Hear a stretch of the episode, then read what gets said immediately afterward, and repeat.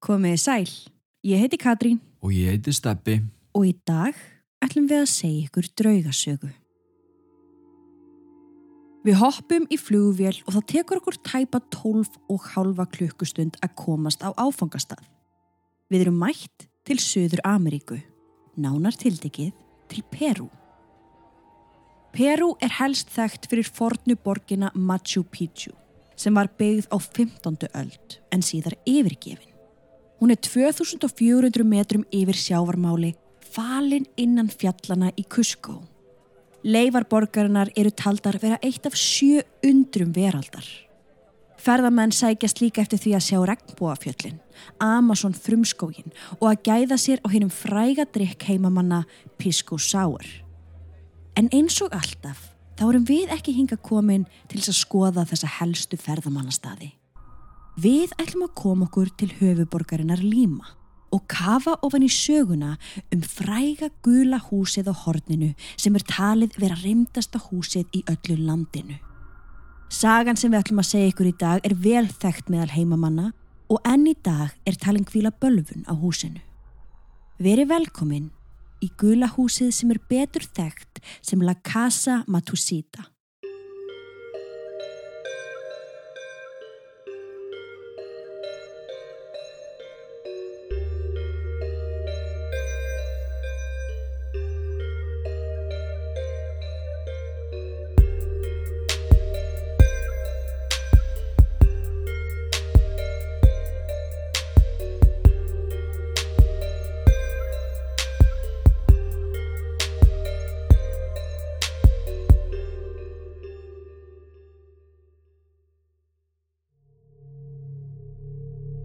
Við viljum minna á að draugarsöðunar okkar eru ekki við hæfi barna yngri en 13 ára nema með leifi fullorna.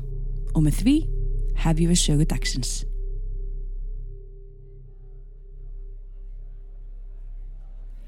Við götuhort í miðbæ Peru situr óvenjulegt gullt hús. Það er ansið stórt á tveimur hæðum og sögur segja að á annari hæð húsins hafi fjöldi fólks týnt lífi sínu á hrottafengin hátt.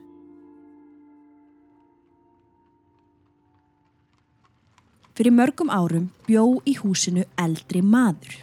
Við ætlum að kalla hann mann Erik. Erik átti eiginkonuna Emily og saman áttu þau þrjú börn.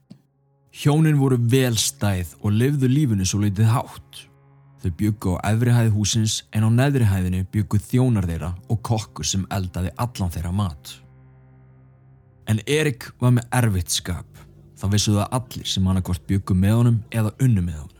Hann reyndist mjög auðveldlega og þegar það gerðist þá leta hann í sér heyra. Þessar skapsveiflur mannsins bytnuð þó allra helst á þjónunum hans. Hann kom virkilega illa fram með þá, móðgaði þá og stundum gekk hann í skrokk á þeim. Þjónandi voru reyðir út í Erik og nokkrir þeirra sóru fyrir það að þeir myndu hefna sín einn daginn. Hugmyndin þeirra var að gera lítið úr húsmóta sínum á einhvern hátt fyrir framann fullt af fólki. Síðan einn daginn er Erik og eiginkona hans að halda matarbóð fyrir vini sína sem voru í raunni allt ríka og fína fólkið í bænum. Ok, Gestirnir byrjuði á því að fá sér fordrykk og síðan var komið að því að setjast til bors. Kokkurinn sá um að elda matinn og þjónarnir báran fram. Nema hvað að vinnufólkið ákvað að þetta væri akkurat tilefnið til þess að hefna sín á bóndanum. Nokkrum dögum fyrr höfðu þjónarnir tekið sér til og orðið sér út um eiturlifið LSD. sko LSD er síra eða ofskynjunarlif. Það er yfirleitt talað um að það séu litlir skamtar af LSD sem geta breytt háttalagi einstaklings lítilega svo sem hvernig honum líður, hvernig hann hugsar en í stórum skömmtum fá einstaklingar ofskynjanir, hefða sér mjög förðulega og geta mist allt tímaskinn og meiri segja stundum ekki vita hvað eru stattir. Þetta er virkilega hættulegt eitulif af því að fólk getur raunverulega bara dáið. Þeir sem takit inn finna yfirleitt áhrifin á þessum eitulifum eftir cirka 20 mínútur. Og þessi áhrif geta varða í alveg upp í 15 klukkustundir þó þau séu yfirleitt horfin um 12 klukkustundir. En það þekkist alveg að fólk er að lappa af hústökum af því það heldur að það getur flóið fólk gengur fyrir bíla af því að það heldur að það geti stoppað á með höndunum. Þetta er mjög hættulegt eiturlif Þetta er mjög ógulegt. já, En þetta er sem sagt eiturleifi sem að þjónarnir ákváðu að nota til þess að gera lítið úr húsbúnda sínum og vinum hans. ok, hvernig þá? Sko, kokkurinn Mm, og þjónarnir, þeir setja ellist ég í matinn hjá fólkinu. Hugmyndin hjá þeim var einmitt að allir myndu gera sig að fýblum. Þannig að um leiðu þeir voru búin að bera fram matinn, þá lokuðu þeir hurðinni að borstofinni og læstu á eftir sér. Engin mátti komast út. Þjónarnir forðuðu sér svo í eldús og byðu. Eftir um það byrj hálftíma heyrðu þeir greinilega reyðar rattir koma frá borstofunni. Fólk var að kalla sín á milli og fljótlega eftir það heyrðu þeir diska brotna. Þjónarnir horfðu hvotn og annan flissandi að þeir hugsaðu náttúrulega bara þetta er að virka þetta er að virka, það er alltaf, alltaf fyrir rugglaðna hjá þeim. Mhm. Eftir klukkutíma eða tvo heyrðust hræðileg öskur og mikil læti komið frá borstofinni. Fólk var greinilega að slást og skerandi öskur konu ómiðu um allt húsið. Á þessum tímapunkti var þjónunum hægt að standa á sama. Það var eitthvað alvarlegt að gerast en þeir þorði ekki fyrir sitt litla líf að opna hurðina. Tíminn leið. Öskrin heldu áfram og það hljómaði eins og gestirnir væri búinir að rústa öllu í borstofinni ásamt því að ráðast á hvort annan. Einhverjir þjónar sem höfðu verið með í þessum rekk flúðu úr húsinu að þeir þoldu ekki öskrin. Aðrir sátu stjarfir og þorðu varla að anda. Húsbóndin Erik var búin að berja á hurðina aftur og aftur en það var alveg ljóst að hann var ekki að komast út. Hurðin var of þykk og of stór fyrir hann að brjóta niður. Eftir um það byll fimm klukkustundir var húsið orðið alveg hljótt og þjónarnir voru nokkuð vissir um að gestirnir væru sopnaðir. Þannig að einn þeirra náði leikilinn og opnaði hurðina lötur hægt. Tilbúin að skellinni tilbaka ef einhver myndi reyna að komast út. En enginn var viðbúin því sem tók á móti þeim hinum megin við dyrnar. Allir veggirnir, loftið og gólfið var þakið blóði. Á gólfinu lágu líkamsleifar gestana og hjónana Erik og Emily. Það vantaði hendur á suma og augu höfðu verið kroppuð úr öðrum. og íbarast Mörg andlit störðu upp í loftið með ángistar svip og opin munn. Sum andlitin voru nánast klóruð af og einhverjir höfðu greinlega rifið af sér hárið. wow. Þetta hefur verið styrlun já, og enginn komist út Nei. allir bara mistu viti gjörsamlega og sagan segir að þjónarnir hafi líka mist vitið eftir að þeir sáu hvað þeir höfðu gert. já, Þeir vissu líka að þeir myndu verða handteknir og ákerðir fyrir morðin á öllu þessu fólki. Þannig að þeir ákvaðu í staðinn að taka sitt eigið líf í borstofinni með því að hengja sig. þannig þá voru allir dánir í þessari borstofu Allir. og þjónandi núna hengdu sig Jöp. ofan á þetta allt saman Þetta komst að sjálfsögðu upp nokkrum dögum setna þegar enginn hafði séð Erik og Emily í lengri tíma og auðvitað allt fólki sem skilaði sér ekki heim. mm jú, jú. Eftir þetta fekk húsið orðspor á sig fyrir það að vera reynd. Fólk var raunverulega hrætt við að koma nálagt við. Húsið stóð aukt í einhver ár þangar til ónefndur maður kaupir það og gerir það aðeins upp svo hann geti leikta út. það kemur bara ekkert á veist, að þetta húsi snari Mm Einhverju síðar kemur til sögunar japansk fjölskylda, herra og frú Matsushita, með börnin sín tvö. Þau flyttin í húsið og á efrihæðina. Það er því miður ekki mikið vitað um raunir fjölskyldunar en það eru tvær sögur á sveimi og ég ætla að segja ykkur þar báðar. Ok, Og svo má þú segja mér hvað þú heldur að hafi gerst. ok. Vitum við hvort að þetta fólk tali spænsku eða... Spænska er náttúrulega tungumáli sem er talað í Peru Já. en það eru náttúrulega ótrúlega margir sem tala líka ensku en Já, ok. við erum að gera ráð fyrir því hérna að þetta er allt spænskumælandi fólk. Japanandi líka. Eflaust, eh, nema þeir hafa verið innflytjendur. Ég, já. ég get ekki vita nógu mikið um fjölskylduna til þess að segja það almennilega. Ok. En önnur sagan, hún talar um að nokkrum dögum eftir að þau fluttu inn þá hafi heimilisfæðurinn farið að haga sér undarlega. Hmm. Hann sem hafði alltaf verið með mikið í jafnaðargeð fór skyndilega að öskra á eiginkonu sína og börnin. Fljótlega hættir hann í vinnunni og eitti öllum sínum tíma heima. Hárið hans fór að grána og baugar mynduðust undir augum hans. Það er síðan haldið að nótt eina hafa hann algjörlega mist vitið og myrt alla fjölskylduna sína í köldu blóði áður en hann draf sjálfa sig síðan með því að hengja sig í Borstofunni. rétt. Hvað er í gangi? Lögreglan fann lík fjölskylduna stuttu setna þegar þeir voru búin að fá ábyrningu um að börnin væru ekki að mæti skólan. Það var að hinn frásögnin. Þetta var fyrsta sagan? Já. Ok. Hinn frásögnin er þannig að Matsushita hjónin hafi flutt með börnum sínum inn í húsið. Á neðri hæð húsins hafi þau opnað verslun og síðan byggu þau á efri hæðinni. Herra Matsushita var lítið heima sem gerði það verkum að þau hjónin fjarlæðis hvort annað hægt og rólega. Eftir um það byl ár í húsinu kom eigimaðurinn svo heim en þegar hann gekk inn í verslunina á neðri hæðinni heyrðan skrítin hljóð. Hann fylgdi hljóðinu upp stegan og inn í svefnherbyrgi þeirra hjóna. Þar kom hann auga á eiginkonu sína með öðrum manni. Í brjálaðis kasti tekur hann upp hníf og myrðir þau bæði. Þegar börnin snýru svo heim úr skólanum, myrt hann þau líka og á endanum hengd hann sig í borstofunni. Vá. Hvort er líklæra að hafi gerst? Vitum við það ekki?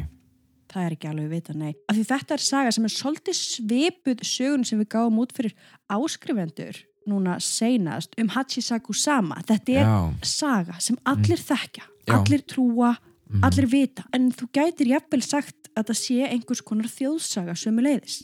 Ok. Af því það er svo lítið vitað. Um þetta. En Um- það er allan að nöfna á þessu fólki. Það er nefnilega nefn á þessu og svo fólki. það liggur alveg ljóst fyrir það sem að báða sögurnar eiga samægilegt er að fjölskyldu faðurinn er talin myrða alla fjölskylduna Mhm, og hengja sig það liggur fyrir í báðum sögum svo allir það sé ekki eitthvað sem að Og, og það sem líkur náttúrulega líka fyrir í báðum sem er það að fjölskyldan deyr já, já, já, inn í húsinu inn í húsinu, öll fjölskyldan. Mhm, Þa, það sem mér fannst trubla mig aðeins í frásögn 2 mhm, er það, ok, konaðin er að halda fram hjá þér, mhm en akkur ætlar að býja eftir börnunniðinum og drepa þau líka. Þú veist, ertu ennþá í þessu brjálæðiskasti í svona rosalega langan tíma? Mér finnst einhvern veginn eðlilega ok ef að húsi er að hafa einhver áhrif á hann já, sem já. við nú oft einmitt talað um í sögum. sem er náttúrulega líklegt að því að þarna missa allir vitið löngu áður Mhm.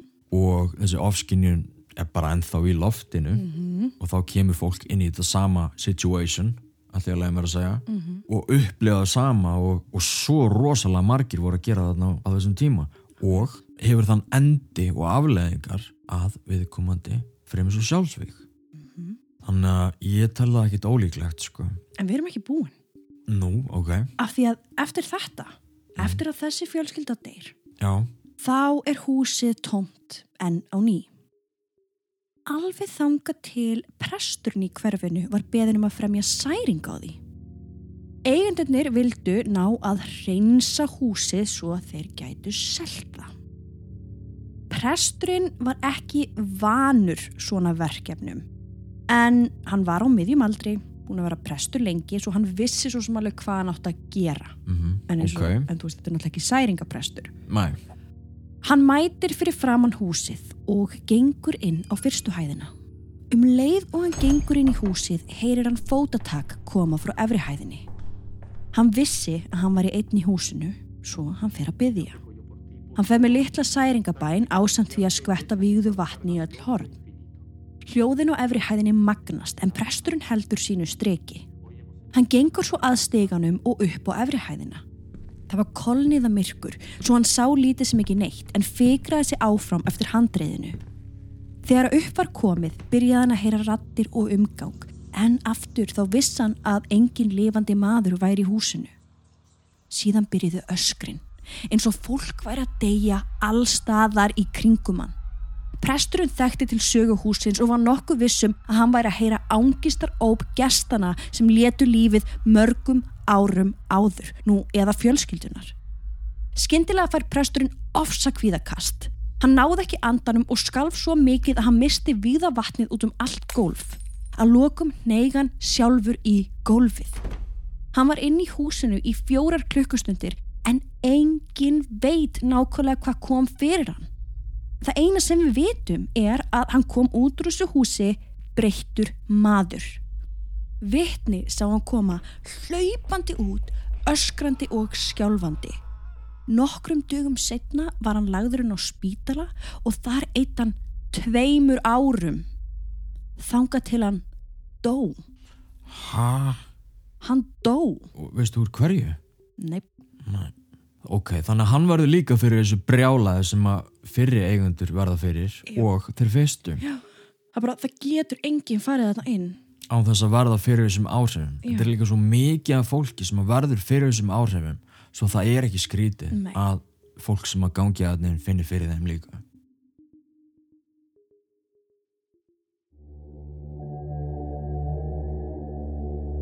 Þúsundir Íslendinga verða árlega fyrir aðkasti vegna atbyrða sem ekki eiga sér eðlilega skýringar. Í gegnum tíðina höfum við deilt þeirra reynslu og fólks víða um heim í hlaðverpum okkar þar sem það er raunverulega að lýsa óta og hræðslu á yfirnáttúrulegri upplifun. Atvikum sem hafa komið fyrir þig á stopnunum, vinnustöðum en þó lang oftast innan þar eigin heimilu. Ég heiti Katrín Bjarkadóttir og ég sé það sem aðrir sjá ekki.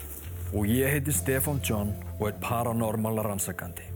Saman höfum við tryggt okkur sess í að vera braut reyðjendur hér á landi í öflun vísindarlegra sönnunagagna um draugagang. Og með því unniðin tröst fjölmargra fjölskyldna sem hafa óska eftir aðstofu okkar þegar engin annar vildi hjálpa þeim. Á ringbraut í vetur ætlum við að ferðast á draugalegar slóðir, spjalla við venjulegt fólk sem býr við reymleika og sína ykkur sláandi sönnunagögn sem við höfum náð á þeim árum sem við höfum starfað sem paranormal rannsakendur. Svo fylgstu vel með á ringbröð því hvort sem þú trúir á drauga eða ekki þá eigum við það öll sameiginlegt að vera forvitin um að vita hvað gerist eftir að við deyjum. Eftir allt þetta, allt þetta var húsið að sjálfsög komið með syndsamlegt orspor á sig. Vissulega. Enginn vildi búa þarna eða reyka starfsemi og eins og ég sagði áðan þá forðaðist fólk mér að segja að lapa fram hjá því. Allir þekktu sögurnar og enginn var tilbúin að taka neitt sjans. Eða allavega ekki þangað til árið 1960 þegar að maður að nafni Humberto Vera sem var sjómarpsþulur tók veðmáli í beinni útsendingu um að eigða sjönóttum aðleit inn í húsinu. Oh, hættulegu leikur. Mjög. Hann sagðist þekka til sögu húsins en að hann hrættist það ekki. Nei, nei. Hann var vissum að þetta veðmál myndi auka vinsældir hans í sjómarpi. Mm, Ok. Svo hann gerir sig kláran til þess að eigða þarna sjö nóttum.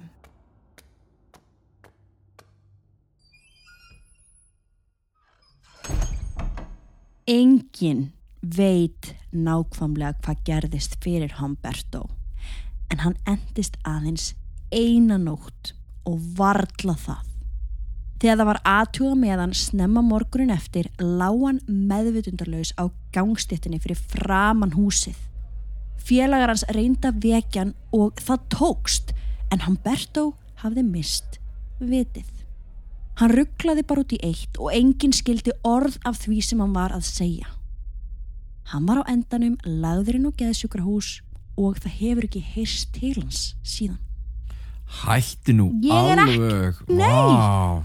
Ég er bara svolítið orðlaug, sko. þetta hefur vissulega áhrif á fólk og það er pínu erfitt að vera að sko leita upplýsinga af því ég skil ekki spænsku. Nei, nei. og þetta er náttúrulega allt á spænsku og, en ég sá hérna einhver, eitthvað skjáskot af þessu manni og Já. þú veist þetta er maður sem var til sem gerði þetta. Já, já. ég veit svo sem ekki, þú veist, kannski var hann bara lagður inn í einhvern x tíma og kom síðan út og það er alltaf lagi með hann. En þetta allavega hafði einhver Hver áhrif, já, og ég meina hann endar út á götu. Einmitt. Alveg tilbúin til þess að taka sjönætur einmitt, þetta, hvað er það sem hefur áhrif á því þannig að þú hleypur út úr húsinu og, og dettur niður? Sko við vitum ekki eins og hversu margir þetta voru sem að þarna til þess að byrja með sem, að, sem að mistu vitið akkurat, og dóu. Myrtu sennilega mann og annan. En hvað er þetta fólk ef ég bara hugsa upp átt núna? Þessi Erik og Emily. Já, þessi Erik var svona reyður hann fær þessi örlög. Já, er hann að gera fólki þetta aftur og aftur og aftur eða? Já, ég myndi alltaf það. Og líka bara allir sem voru þarna viðstættir af því þau að láta lífið í þessu hugar ástandi það sem allt er mengað, allt er bara allt er rugglað já, órunverulegt og ef þú lætur lífið með þeim hætti þá er alveg mjög líklegt að svo orka sé bara ennþá í lofti og sérstaklega þegar það eru svona rosalega margir. Við getum alveg gert ráð fyrir að það sé 20 mannsam já, held ég, þú veist, jafnvel fleiri. Já, og allir að upplega á nákvæmlega sama já, það segir sér svolítið sjálft að ef þú gengur inn í þetta umhverfi þá verður þú bara klikkaði líka Á næstu árum eru fyrirtæki flutt á neðri hæðina en efri hæðin er lokuð og læst og enginn fara að stíga fætið þangað inn. Það heyrast reglulega öskur koma frá annari hæð sem fyrirtæki eigendur niðri, viðskiptavinni þeirra og gangandi vegfyrundur fyrir utan heyra vel. En eins og ég sagði áðan, allir þekkja söguna og fólk veit vel hvaðan þessi öskur koma. mm Það er eins og fólk hafi bara lært að lifa með þeim á einhvern hátt. Í glugganum á efri hæðinni sjást líka alls konar verur, svartar, hvítar, sumar reyfast á meðan aðrar standa alveg kjurrar eins og þeir séu að stara út á fólki fyrir neðan. Draugasögurnar í kringum þetta hús hafa sjálfsögur verið yktar og þá á ég við að frægustu sögurnar í dag eru þannig að ef að hópur fólks tekur sér saman og eigðir nótt á efri hæðinni þá eigi það eftir að missa vitið og myrða hvort annað. ok, já, já, já, já þetta er bara gott efni í hryllingsmynd mm. En það er svo sem ekkert mjög langt frá sannleikanum en maður pælir í því. Nei, ekki með að við þess að fyrir frásagnir sko. en já, kannski ekki endilega allir myrði hvort Nei, nei, þetta en, en hver veit þetta er bara svolítið svona það sem að er talað um þarna. já, já. en svo líka þegar svona hræðilegir atbyrðir hafa gæst og aftur og aftur eftir það þá laðar það að sér svartar og dökkar verur Algjörlega. og það bara á augabræði En ég var pínulítið forvitin að vita hvað var þarna allra, allra, allra fyrst. já, Gæti mögulega verið að húsið hafi verið byggt á gömlum indjónagrafreit eða eitthvað svoleiðis mm. og þá fann ég áhugaverða sögu sem að gerist einmitt löngu áður en húsið er byggt en þó á nákvæmlega sama stað. ó Ung kona frá Evrópu sem hétt Dervaspa flytur til Líma í Peru. Fljótlega komst það upp að hún hafði einhverjar rætur að rekja til Írans líka og áður en hún vissi þá var það á allra vörum.